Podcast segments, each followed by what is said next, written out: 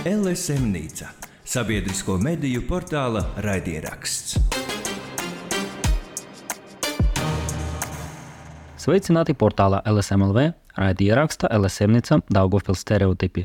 Mani sauc Sergejs Kuznicovs.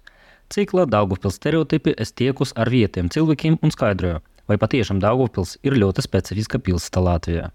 Ceturtajā LSMNICA Daugopils podkāsta epizodē es sarunājos ar Latvijas Investīciju un attīstības aģentūras biznesa inkubatora vadītāju Daugopili Andreju Zelču.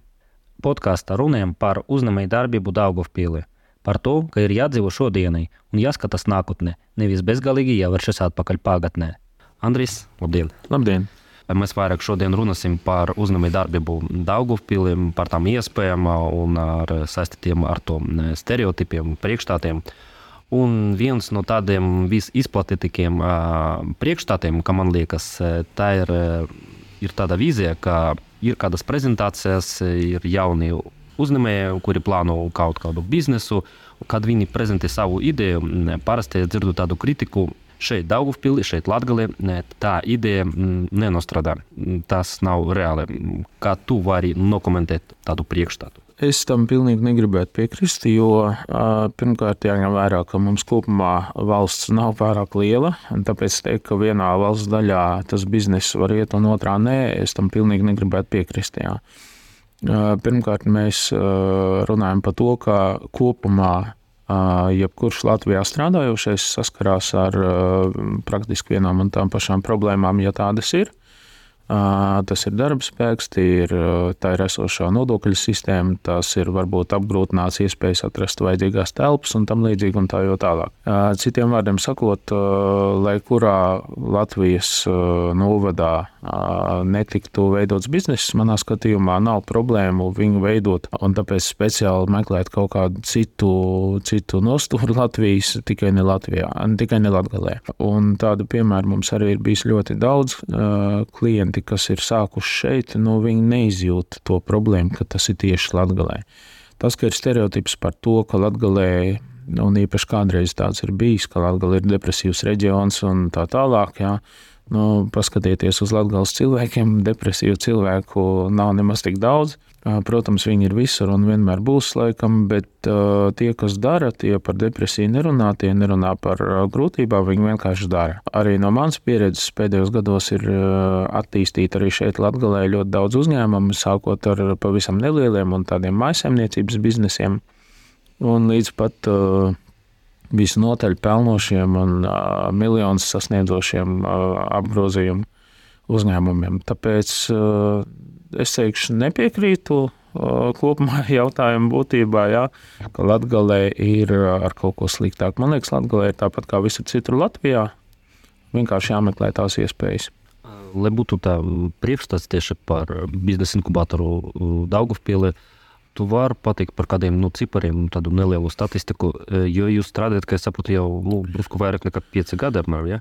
Mēs strādājam jau, nu, jau līdz beigsies 7 gadi, jo šis projekts arī sākotnēji bija līdz 23. gada beigām. Mm, faktiski pēc dažām dienām mēs varētu teikt, noslēdzam jau šo projektu, kas ir iesācies vēl 16. gada beigās. Un, ja mēs runājam par cipariem, viņi ir visnotaļ labi, un Daugopils tieši biznesa inkubatorā viņi ir viena viena no labākajiem starp visiem inkubatoriem, kas atkal neapstiprina tos izskanējušo pieņēmumu, ka Latvijā ar kaut ko būs slikti. Jā, Latvijas biznesa inkubators tiešām ir izrādījis ļoti labus darbības rādītājus. Mēs kopumā šo septiņu gadu laikā esam komunicējuši un strādājuši apmēram ar 300 uzņēmējiem.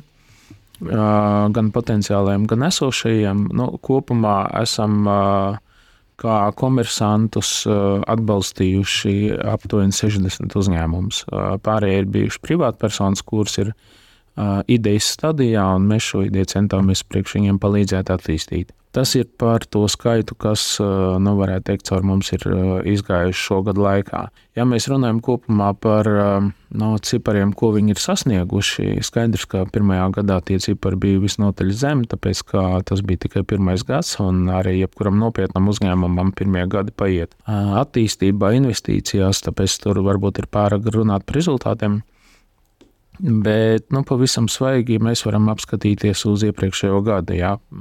Statistiku. Mūsu uzņēmumi, kas bija uz to brīdi apmēram 25, pagājušā tikai gadā veidoja apgrozījumu aptuveni 25 miljonu apmērā. No tiem uh, virs 70% bija eksporta uh, apjoms, respektīvi tātad uh, nu, kaut kur tuvu pie 17, 18 miljoniem bija uh, eksportēts uz uh, citām valstīm ārpus Latvijas kas ir pietiekami augsts rādītājs. Tas nozīmē, ka mūsu produkts ir šeit ražotais, konkurētspējīgs un visā pasaulē pieņemts, atzīts, un cilvēki ir gatavi par to maksāt. Plus mūsu komersanti ir nomaksājuši nodokļos tikai atkal pagājušajā gadā aptuveni 3 miljonus eiro un radījuši vairākus desmitus darba vietu. Un tā ir statistika tikai par pagājušo gadu. Jā, ja mēs saliksim kopā visus septiņus gadus, tas cipars būs stipri lielāks un uh, visnotaļ labs. Un, ja mēs runājam par katru nu, tādu atsevišķu gadījumu, jā, mums ir uh, biznesi, kuri ir sākuši jau lielākoties no pilnīgas nulles, kuri ir atnākuši pie mums ar ideju un šo septiņu gadu laikā attīstījuši savu biznesu līdz tam, ka šobrīd viņa apgrozījums atkal, kā jau es teicu, ir pāri miljonam, piemēram. Un ir arī piemēri eh, par to pašu eksportu runājot uzņēmumam, kurš eksportē vairāk kā uz 30 valstīm. Tas nozīmē, ka mēs varam saražot, mēs varam pārdot, mums ir laba kvalitāte, mums ir adekvāta cena, un tie uzņēmumi joprojām turpina darboties šobrīd arī bez inkubātora atbalsta. Ļoti daudz jau ir uh, sasnieguši maksimālos četrus gadus, ko mēs varējām viņus atbalstīt. Un tas tikai pierāda to, ka nu, šis nav bijis projekts, kurā mēs uh, kaut kādu brīdi iedodam naudu, un tikmēr tas uzņēmums strādā. Tas pierāda to, ka tas ir bijis vērā ņemams atbalsts, un ne tikai finansiālais, bet arī konsultatīvais. Ja mēs runājam par to, cik tieši mēs ielikām šajos uzņēmumos, ja es tikko minēju pagājušā gada uzņēmēju rādītājus sasniegtos, tad pagājušo gadu mēs viņus esam atbalstījuši apmēram ar summu 300 tūkstoši eiro apmērā. Tas nozīmē, ka vairāk kārtīgi gan nodokļos, gan citos rādītājos šis devums ir nācis atpakaļ mums par labu. Tas apliecina to, ka šis projekts tiešām ir bijis ļoti veiksmīgs. Sava programma inkubatorā jūs uzreiz plānojat uzņēmēju orientēt uz to, ka viņam jāstrādā uz ārēju tirgu. Jā, par to mēs runājam ar viņiem no pirmās dienas, jo tas bija viens no mūsu rezultātīvajiem rādītājiem, ko mēs gribējām sasniegt. Tā ir eksportspēja, jo mēs visi labi saprotam un zinām. Un Kā es vienmēr saku, no ekonomikas pirmā kursa ir skaidrs, ka labāk mēs eh, kopumā dzīvojam tikai tad, ja mums ir eh, eksportspējīgs produkts, respektīvi, ja mēs viņu pārdodam ārpus valsts, un šī nauda atnāk atpakaļ uz šejieni. Kā paši cilvēki reaģē uz to, ka varbūt viņi no, no pirmsākumiem neplānoja? Viņi domāja par savu, nezinu, kādu, nu, ne pagastu, bet kādu novadu reģionu.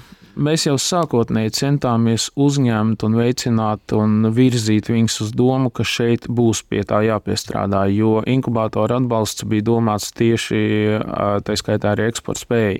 Mēs principā uzņēmām un redzējām savos dalībniekos tikai tādus, kuri varētu vismaz nākotnē veicināt šo eksporta spēju, jo tas bija viens no mūsu galvenajiem uzdevumiem. Ja mēs runājam par teiksim, tādiem, kuri negribēja jau sākotnēji, nebija tam gatavi un teica, ka mēs ar to nekad nenodarbosimies, mēs gribam mazu māsēmniecības uzņēmumu, nu tad mēs pastrādājam iespējams ar viņiem tajā saucamajā pirmsinkubācijā, kas ir tāds vairāk konsultatīvais atbalsts. Un, principā, pēc tam jau ļāvām viņiem tālāk pašiem izvēlēties, nu, varētu tā teikt, netērējot laiku uz to. Jo vēlreiz teikšu, tas bija mūsu viens no galvenajiem mērķiem, un mēs labprāt atbalstītu visus, bet mūsu kapacitāte un finanšu iespējas ir tieši tādas, kādas viņas ir bijušas. Un gala beigās šiem maisaimniecības teiksim, uzņēmumiem ir pieejams arī citu veidu atbalsts. Gan arī katrā novadā ir savu grantu programmu ir iespēja tikt pie kaut kādām nelielām pašvaldības un tam līdzīgām summām.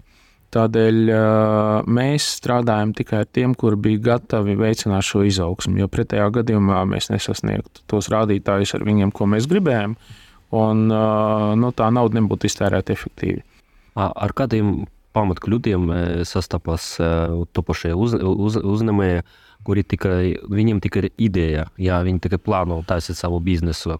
Kļūdas jau vienmēr ir vienas un tās pašas, un, un klasiskās. Viņi ir diezgan daudz. Jā.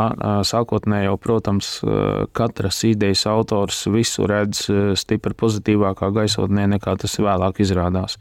Viņš ir pārņemts ar savu domu, ka tas ir labi, īpaši neizstudējot tirgu, ne, nu, neveidojot nekādus teiksim, tirgus analīzes, nemeklējot uh, konkurences un uh, vienkārši pārņemts ar to, ka viņš to mācīs uztaisīt, un tas jau ir labi. Uh, uztaisīt uh, savu produktu māk ļoti daudzi, bet no galvenais viņu, kā ir zināms, ir jāmāk pārdot.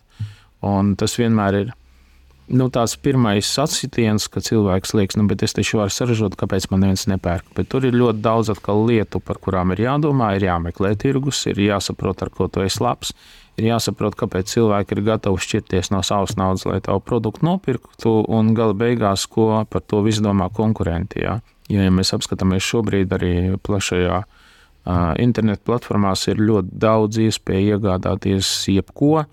Un ļoti bieži tā cena, ja mēs runājam arī par uh, austrumu tirgiem, ir ļoti zema. Un, uh, līdz ar to ražojot kaut ko, ir jāsaprot, ka tev ir un būs, un pat ja šobrīd nav, tad nākotnē būs konkurence tas ir tās pirmās tipiskākās kļūdas, ka cilvēks ir pārņemts ar to, ka viņš ir ieguldījis savu darbu un, un savu sirdī līdz tajā visā. Tāpēc cilvēkiem būtu jā, jāšķirās no savas naudas, lai to nopirktu. Jā, bet tad izrādās, ka tas tā nav. Potenciālie pircēji ir jāpārliecina par to, ka šis produkts viņiem ir vajadzīgs.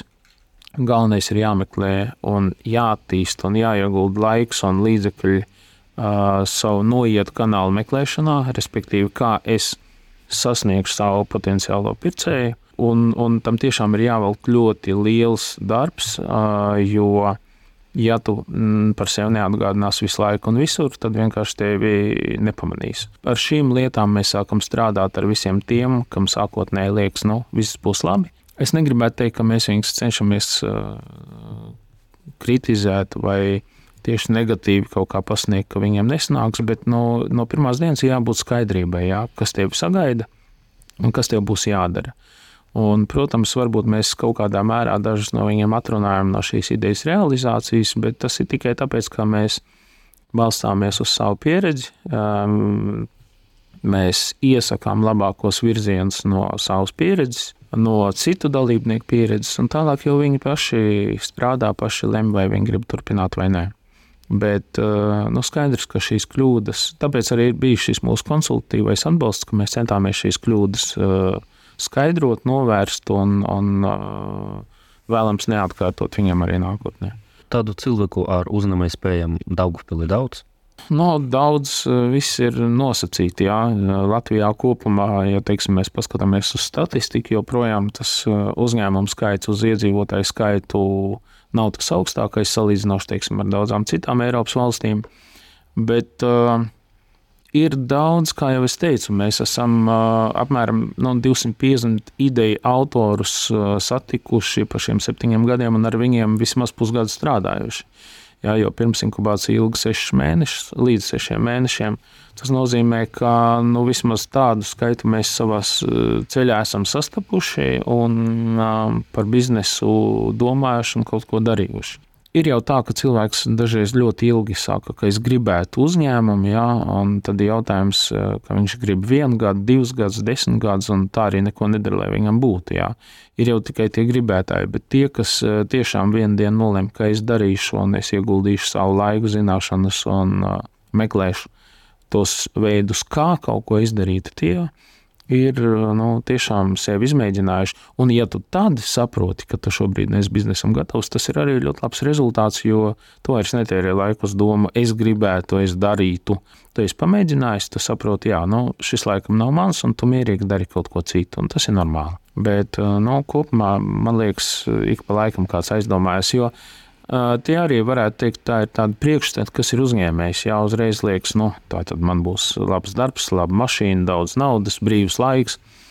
Es varēšu kaut ko vadīt, varēšu neko nevadīt, varēšu braukt, atpūsties un, un, un kaut kur uz kurortiem. Bet, protams, jāsaprot viennozīmīgi, tas ir liels darbs. Bet tas ir darbs, kas dod arī visus manas nosauktos patīkamos bonusus un rezultātu. Tādēļ nu, galvenais atkal un atkal var teikt, ir darīt, pierādīt sevi un meklēt iespējas kā. Jo nav jau jāmeklē nu, diezko unikāls kaut kas, jo jums visiem jāsaprot, ka ja mēs atrodam ļoti unikālu nišu, viņu nākamajā dienā kāds gribēs paturpināt un izpildīt pa savam. Un, izjaukt jūsu produktu un salikt savu tieši tādu pašu. Ja jums būs ļoti veiksmīgs bizness, jā, konkurenti uzrādīsies neprasot. Tāpēc tas vienmēr jāņem vērā, bet jādomā vienkārši par to, kā es varu būt labāks par visiem pārējiem, lai kas tas arī nebūtu. Nu, vismaz Daugavpilī, ka man liekas, eksistē, nu, dominē tāds priekšstats, ka biznesa uzņēmējdarbība pirmkārt saistīts, saistīta ar kādu ražošanu un tādus globālus apjomus. Kā es sapratu, tā ir mūsu tas ir ielikts mūsu pagatnē, ka kādu laiku šeit eksistē tāda lielas industriālas rūpnīcas. Tu pats bieži dzirdēji tādu domu, ka biznesa tas ir vienots ar kādu globālu ražošanu, nu, industriālu ražošanu, bet pārējais nozares nu, nav tik pilnvērtīgi.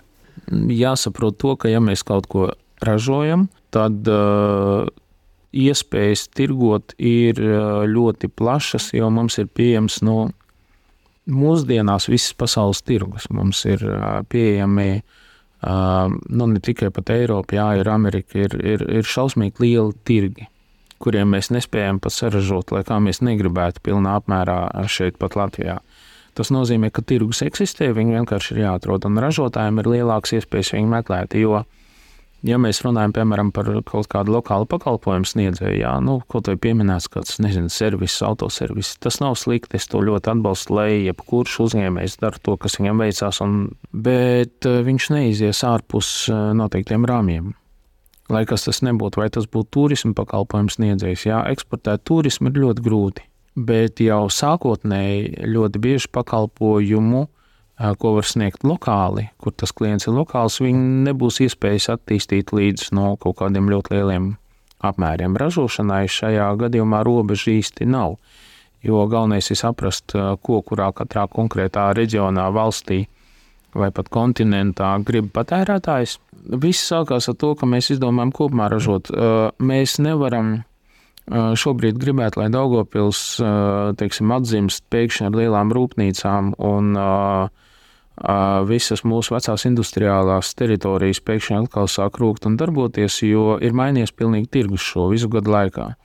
Un tie ražotāji, kas ir sākuši atkal šobrīd, viņi meklē un iekaro, un uh, viņiem tas ir iespējams. Lai atvērtu jaunu, lielu rūpnīcu, protams, tam ir vajadzīgas ļoti lielas investīcijas, mēs runājam par miljoniem. Ir vajadzīgs sakārtot infrastruktūra, un šeit mēs nerunājam par varbūt uh, tām palikušajām ēkām, kā mantojuma no vecajiem laikiem Daugopilī. Jo tās ēkas ir, jā, bet viņās bieži vien ir jāieliek vairāk nekā jaunāku un modernāku un siltumu, vairāk noturīgu ēku jaunā būvniecībā. Jā. Tādēļ es neloloju ilūzijas, ka mēs esam spējīgi šobrīd uh, izdarīt kaut ko, lai atzimtu un viss atkal mums būtu rūpnieciskā pilsēta. Jā. Tas notiek pats par sevi, tas notiek uh, dabīgā tādā procesā. Cilvēki atrod, kāds produkts kādam ir vajadzīgs un vienkārši sāk ražot. Arī tie lielie mūsu ražošanas uzņēmumi, kas ir, viņi, protams, uh, lielākoties ir ar ārvalstu kapitālu, uh, ražo ne tikai Latvijā, bet jau lielākoties kaut kur Eiropā vajadzīgas iekārtas, bet vienkārši tas notiek te. Kāpēc te? Tāpēc, ka te ir iespējams izdevīga geogrāfiskā atrašanās vieta, iespējams lētāks darba spēks, iespējams lētāks vēl kaut kas, kas ļauj to ražot te. Jā, bet nu, jāsaprot, ka kādreiz, ja mēs runājam par vecām industriālajām, nu, arī rūpnīcām, ražotnēm, nu, toreiz mēs dzīvojam citā iekārtā, citā ekonomikā gala beigās, jā, kur bija kaut kādi plānveidi pasūtījumi desmit gadus priekš, un tu varēji īpaši neattīstot uh, un nekustinot no savas smadzenes un neattīstot nekādu attīstību, vienkārši zināt, ka tev gadā jāizlaiž kaut kas tik, un kāds viņu noteikti paņems. Jā. Šobrīd bizness ir tāds, ka tu meklē savu pircēju, tu ražo un, un, un tikai tāpēc uh, palielini vai sašaurini savu ražošanu. Bet uh, jau sākotnēji to jautājumu, ja, kad Daugopils kādreiz bija Es ticu un es domāju, ka mēs varam būt ražojoši. Jāsaprot arī, ka tirgu jau šobrīd nu, tāpat tie ražotāji ir, un katrs jaunpienācējs viņš tāpat meklēs savu klientu. Lai kas tas nebūtu. Nezinu par veco, par visu veco es negribu domāt. Es visu laiku domāju par to, ko mēs varam darīt pa jaunu. Ja es vēlreiz saku, nu, vecais strādāja citos apstākļos, ar citiem nosacījumiem. Šobrīd mums uh, uzņēmēji paši domā, paši meklē uh, labākos tirgus. Un, un, bet tas, ka ražošana viennozīmīgi ir tas, kas mūs varētu attīstīt arī kā pilsētu, tam es pilnīgi, nu, pilnīgi piekrītu. Tu klausies LSM Nīcu, sabiedrisko mediju portāla raidierakstu. Pēc tavas pieredzes um, kādi ir priekšstati, kā tu pareizi no citas Latvijas, no citiem reģioniem, tāpat no Rīgas par Daugavpili, vai cilvēki gatavi iet uz šeit, uz Latgali, uz Daugavpili, lai atvertu biznesu, to paplašināt? Ir gatavi un arī ir ļoti patīkami novērojami tādas patīkamas tendences, ka mums vairāk dalībnieki ir pārbraukuši no citām pilsētām, tā skaitā Ventspils, Rīgas, kāds no Salas Grīvas un no Siguldas. Apstājušies šeit, pastaigājuši pilsētu un secinājuši, o, šeit ir interesanti. Te viss ir tuvu, pieejams, nav jāstāv korķos, sapratīs mani rīznieki. Un tie, kas tur atrodas, bieži Un ka principā kāpēc ne šeit? Es jau arī tā uzskatu un vienmēr saku, ka Daugopils jau atkal atgriežamies pie pirmā jautājuma. Nav ne ar ko sliktāk par jebkuru citu Latvijas vietu. Skaidrs, ka jebkurā citā Latvijas vietā būs kaut kādi citi vietējie apstākļi. Ja Liepājā un Ventspīlī ir uh, ostas, nu, mēs nekādīgi nepievilksim Daugopilī sev ostu. Nu, lai ko mēs nedarītu, nu, mums nebūs ostas pilsēta, atmetam uzreiz šo pieņēmumu, ka tas tā varētu kādreiz notikt. nu, ļoti tālā nākotnē iespējams. Bet uh, mums jāņem vērā vietējie apstākļi, un šie vietējie apstākļi pa lielam neko daudz neatšķirsies no kaut kādas citas pilsētas. Tādēļ uh, arī citos reģionos meklē šīs uh, vietējās īpatnības, ko var darīt tur. Jo ļoti bieži jau ir tā, nu, tā ir taisnība, jā, kas ir vajadzīgs uh, varbūt šajā pusē, tas uh, galīgi neaizies varbūt kurzemē, jā, un otrādi. Bet nu, tas atkal ir šī uzņēmēja uzdevums. Meklēt, kurā reģionā kas ir vajadzīgs. Nu, nav jēgas pārdot kamanas uz savu darābiju, jā, to mēs saprotam. Jā, bet te pašā laikā teikt, ka kamanas mums kopumā nevajag ražot, nu, arī tā nebūtu taisnība. Jā. Vai kā es dzirdēju par kvasu, Latvija ļoti lielos apmēros patērē kvasu, jā, bet nu, ir valstis, kurās viņi vispār nesaprot, kas tas ir pa dzērienu raudzēt un kāpēc viņš būtu jādzer. Jā. Mums veiksmes stāsts var būt šprotes, jā, no Āzijas tirgu liekas, kāpēc tik šausmīgā eļļā viss peld. Jā. Ir jāsaprot vietējā specifika. Jo Latvija kopumā ir maza, tāpēc es vēlreiz atkārtošos. Es nedomāju, ka mums ir ļoti lielas atšķirības reģionos. Jā, protams, ir cits attīstības līmenis, cits maksātspēja nedaudz, bet nu, tā globāli runājot, vai mēs ražojam un taisam biznesu Daugopilī vai Liepājā, palielam jau ir viens un tas pats. A, kāda ir Daugopilī biznesa specifika? Es gribētu teikt, nav izteiktas. Vismaz no tā, ko es esmu redzējis, nav. Jo mēs dažreiz paņemam par piemēru kaut kādu vienu uzņēmumu un pasakām, Daugopilī nu, ir piemēram, tu nezini, kaut kāda iekārta ražošana, vai mums ir nezinu, optiskā šķiedras ražošanas pilsēta vai kaut kas tāds. Bet nu, tāda secinājuma nonāks tajā brīdī, kad mēs vienkārši paņemam kaut kādu uzņēmumu apgrozījumus, paskatāmies, kurā nozarē, un tad skaļi pasakām, bet iespējams tas ir tikai viens uzņēmums. Jā. Un tad jautājums, ja citi trīs mazāki ražo, es nezinu, pārtiks kādu produktu, vai mēs neesam pārtiks pilsēta. Pie šī jautājuma mēs ik gadu atgriežamies un domājam, kas ir mūsu Daugavpils specifika. Nu, nav vēl pagaidām izfiltrējies, ka mēs esam tieši kaut kas viens. Mēs esam gan pārtikā, gan apģērba ražošanā, gan metāla apstrādē, gan koku apstrādē. Ir tradicionālie lielākoties tādi daudz biznesi, ir arī labas pakalpojumu sfēras katrs meklē savu unikalitāti un konkurētspēju, bet uh, pateikt, ka lielākais īpatsvars strādā šajā nozarē, nē, nav. Andres, man liekas, ka šī jautājuma es uzdodu katram viesim uh, tādā kontekstā, ka gan Daugavpils, gan Latvijā mm, eksistē nu, faktiski divas kultūra telpas, valdes telpas, informatīvas telpas, bet nu, tā var teikt, nu, man liekas, ka tieši uzņēmēji eksistē viena telpa. Viens uzņēmējs saprot otru.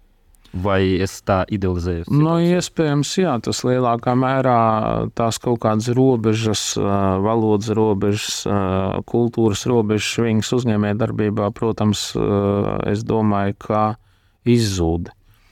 Jo biznesā viss ir vienkārši dari kaut ko un meklē savu tirgu. Un tev ir vienalga, kādā valodā vai, vai kāds rases pārstāvji tev iegādāsies tavu produktu un kādā valodā viņi runā un, un kādas reliģijas pārstāvji viņi ir. Jo biznesa jau meklē nišas, un uh, tur, tur ir jāvienojās vienkārši ar katru konkrēto pat, teikt, patērētāju, jeb tirgu. Jā, vairāk uh, vai mazāk, bet uh, šīs robežas manā skatījumā tiešām nu, nav nekādas izteiktās. Jā, ka bizness mūsu nezinu, novadā ir ar kaut ko citāds. Jā, varbūt cilvēki ir nedaudz citādāki, priekšstati, uzņemšanās spējas galu beigās. Tas, kādu risku viņi ir gatavi uzņemties, iespējams, arī tas atšķirās. Jā, ka mēs esam ilgu laiku neticējuši saviem spēkiem, un tāpēc uh, veidojuši mazākus biznesus ar tādu uzmanību, skatoties eh, tajā brīdī, kad varbūt kādā citā reģionā jau bija gatava uzņemties lielākus riskus, ņemt aizdevumus, meklēt investorus un tā tālāk. Bet nē, es nedomāju, ka te ir kaut kādas citas robežas, kas mums neļaut attīstīties. Bet eh, vietējā politiskā situācija var ietekmēt Viņi var veicināt, viņi var traucēt. Jā, nu, kā jebkura pašvaldība, ja viņi ir ieinteresēti biznesa attīstībā, viņi arī domā savus atbalsta kaut kādus instrumentus. Viņa piedāvā vairāk vai mazāk apstākļu šai biznesa radīšanai. Piemēram, ja būtu gatavs kaut kāds uzņēmējs veidot kādu lielu uzņēmumu, viņam ir vajadzīga uzreiz kaut kāda infrastruktūra, viņam ir vajadzīga iespēja, lai pie viņa uzņēmuma piebrauc. Viņam ir vajadzīgas iespējams kaut kādas īpašākas īpašāka apstākļa attiecībā uz kaut kādu nu, nodokļu politiku mēs izmainīt nevaram, bet ar to pašu Latvijas speciālo ekonomisko zonu, kas arī pie mums aktīvi darbojās, mēs varam radīt iespēju, ka šis uzņēmējs tiek pie savām dividendēm, nesamaksājot tik liels nodokļus kā tas, kurš nebūtu speciālā ekonomiskā zonā, un galu beigās gūt kaut kādu arī atbalstu no šīm pašvaldības struktūrām.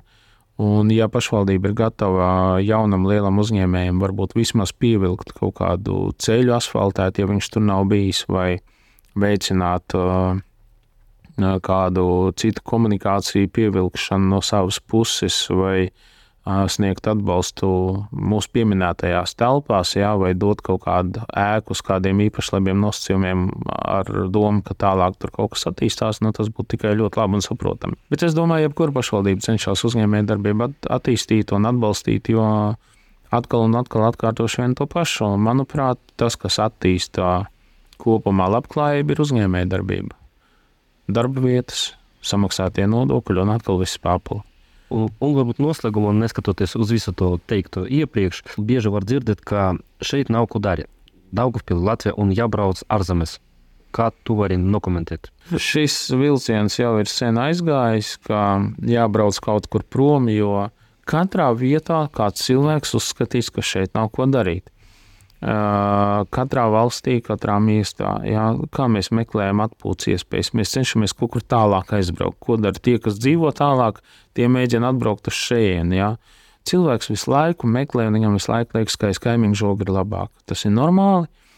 Jautājums, kāpēc lai brauktu prom, mums nav ne ar ko manā skatījumā sliktāka vieta Ja mēs runājam par uzņēmējdarbību, jā, mums ir kaut kādi iespējams lielāks nodokļu sloks nekā kādām citām valstīm, bet viņš nav vislielākais. Iespējams, mums ir bezdarbs lielāks nekā kaut kur citur, bet viņš atkal nav vislielākais. Jā. Mums ir pietiekams iespējas pieņemt no pirmās dienas apstākļus, kuros mēs atrodamies, un ar to arī sadzīvot. Un ar to arī plānot. Galvenais jau, lai būtu no plānojams, jā, lai tā nodokļu sistēma nemainās reizes pusgadā un tam līdzīgi. Bet, ja tu jau no pirmās dienas pieņem, ka tevi gaida šādi nosacījumi, tad vienkārši rīkojies šo nosacījumu apstākļos. Aizbraukt prom un meklēt citur kaut kādu labumu, jāsaprot, ka jā, varbūt tas risina bezdarba īslaicīgi problēmas, bet tas nāk klāt ar citām problēmām. Ar to, ka diez vai jūs šajā jaunajā vietā atradīsiet savu pastāvīgo mājokli, diez vai jūs tur uzņems kā vietējos, diez vai jūs iedzīvosieties tajā vidē ar tām tradīcijām un nu, jutīsiet kādu gandarījumu no tā, ka jūs esat citā valstī. Tāpēc arī ļoti bieži tie, kas pastrādā, kādu kapitālu iegūst, viņi skatās par iespēju tomēr atgriezties un turpināt sev pierastā vidē. Jo nu, cilvēks ilgi atrasties nu, sev nekomfortablā vietā vienkārši parasti nav spējīgs. Ir ļoti reti izņēmumi, kad cilvēki atrod sevi kaut kur citur, aizbrauc un, un, un laimīgi dzīvo. Ja, ja tas nav saistīts ar izmisumu soli, bet vienkārši ar to, ka, nu, piemēram, man nepatīk, ka, ka Latvijā, varētu teikt, pusgadi ir tāds pelēks, drūms um, klimatiskais periods, tad, uh, protams, es varu izvēlēties nevis braukt tur, kur saules ir stipri vairāk, un, un es priecājos par to un mēģinu tur kaut ko darīt. Bet, ja tas ir izmisums solis Latvijā, viss ir slikti, es meklēšu kaut ko citu. Nu, tas parasti nu, beidzās ar to, ka cilvēks vienkārši fiziski, emocionāli tālāk kaut kur nogurst, pārgurst un meklē iespēju atgriezties. Mm, šobrīd nav liekas, tās tendences uh, meklēt uh, to labumu kaut kur citur, bet ļoti daudz ir vismaz no cilvēkiem, ko es satieku, un nu, kas ir manā lokā un ar kuriem es runāju. Tad viņi mēģina atrast sevi šeit, jo te ir viss saprotams, pieņemams, valoda ir saprotama, no bērnības runājama, cilvēki prognozējami daudz maz. Ja. Tāpēc tas masveida aizbraukšanas domas, man liekas, šobrīd nevienam vairs nav. Andris, paldies par sarunu un patiešām cerēsim, ka katrs var atrast savu vietu šeit. Daugavpilē. Paldies, un uz to es aicinu. Un, un, man liekas, tiešām jāpiekrīt tam, ka mēs te varam dzīvojam un strādājam.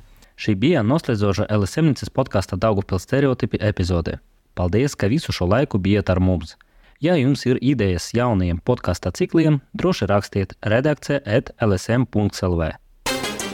Paldies, ka bijāt ar mums LSM Nīcā!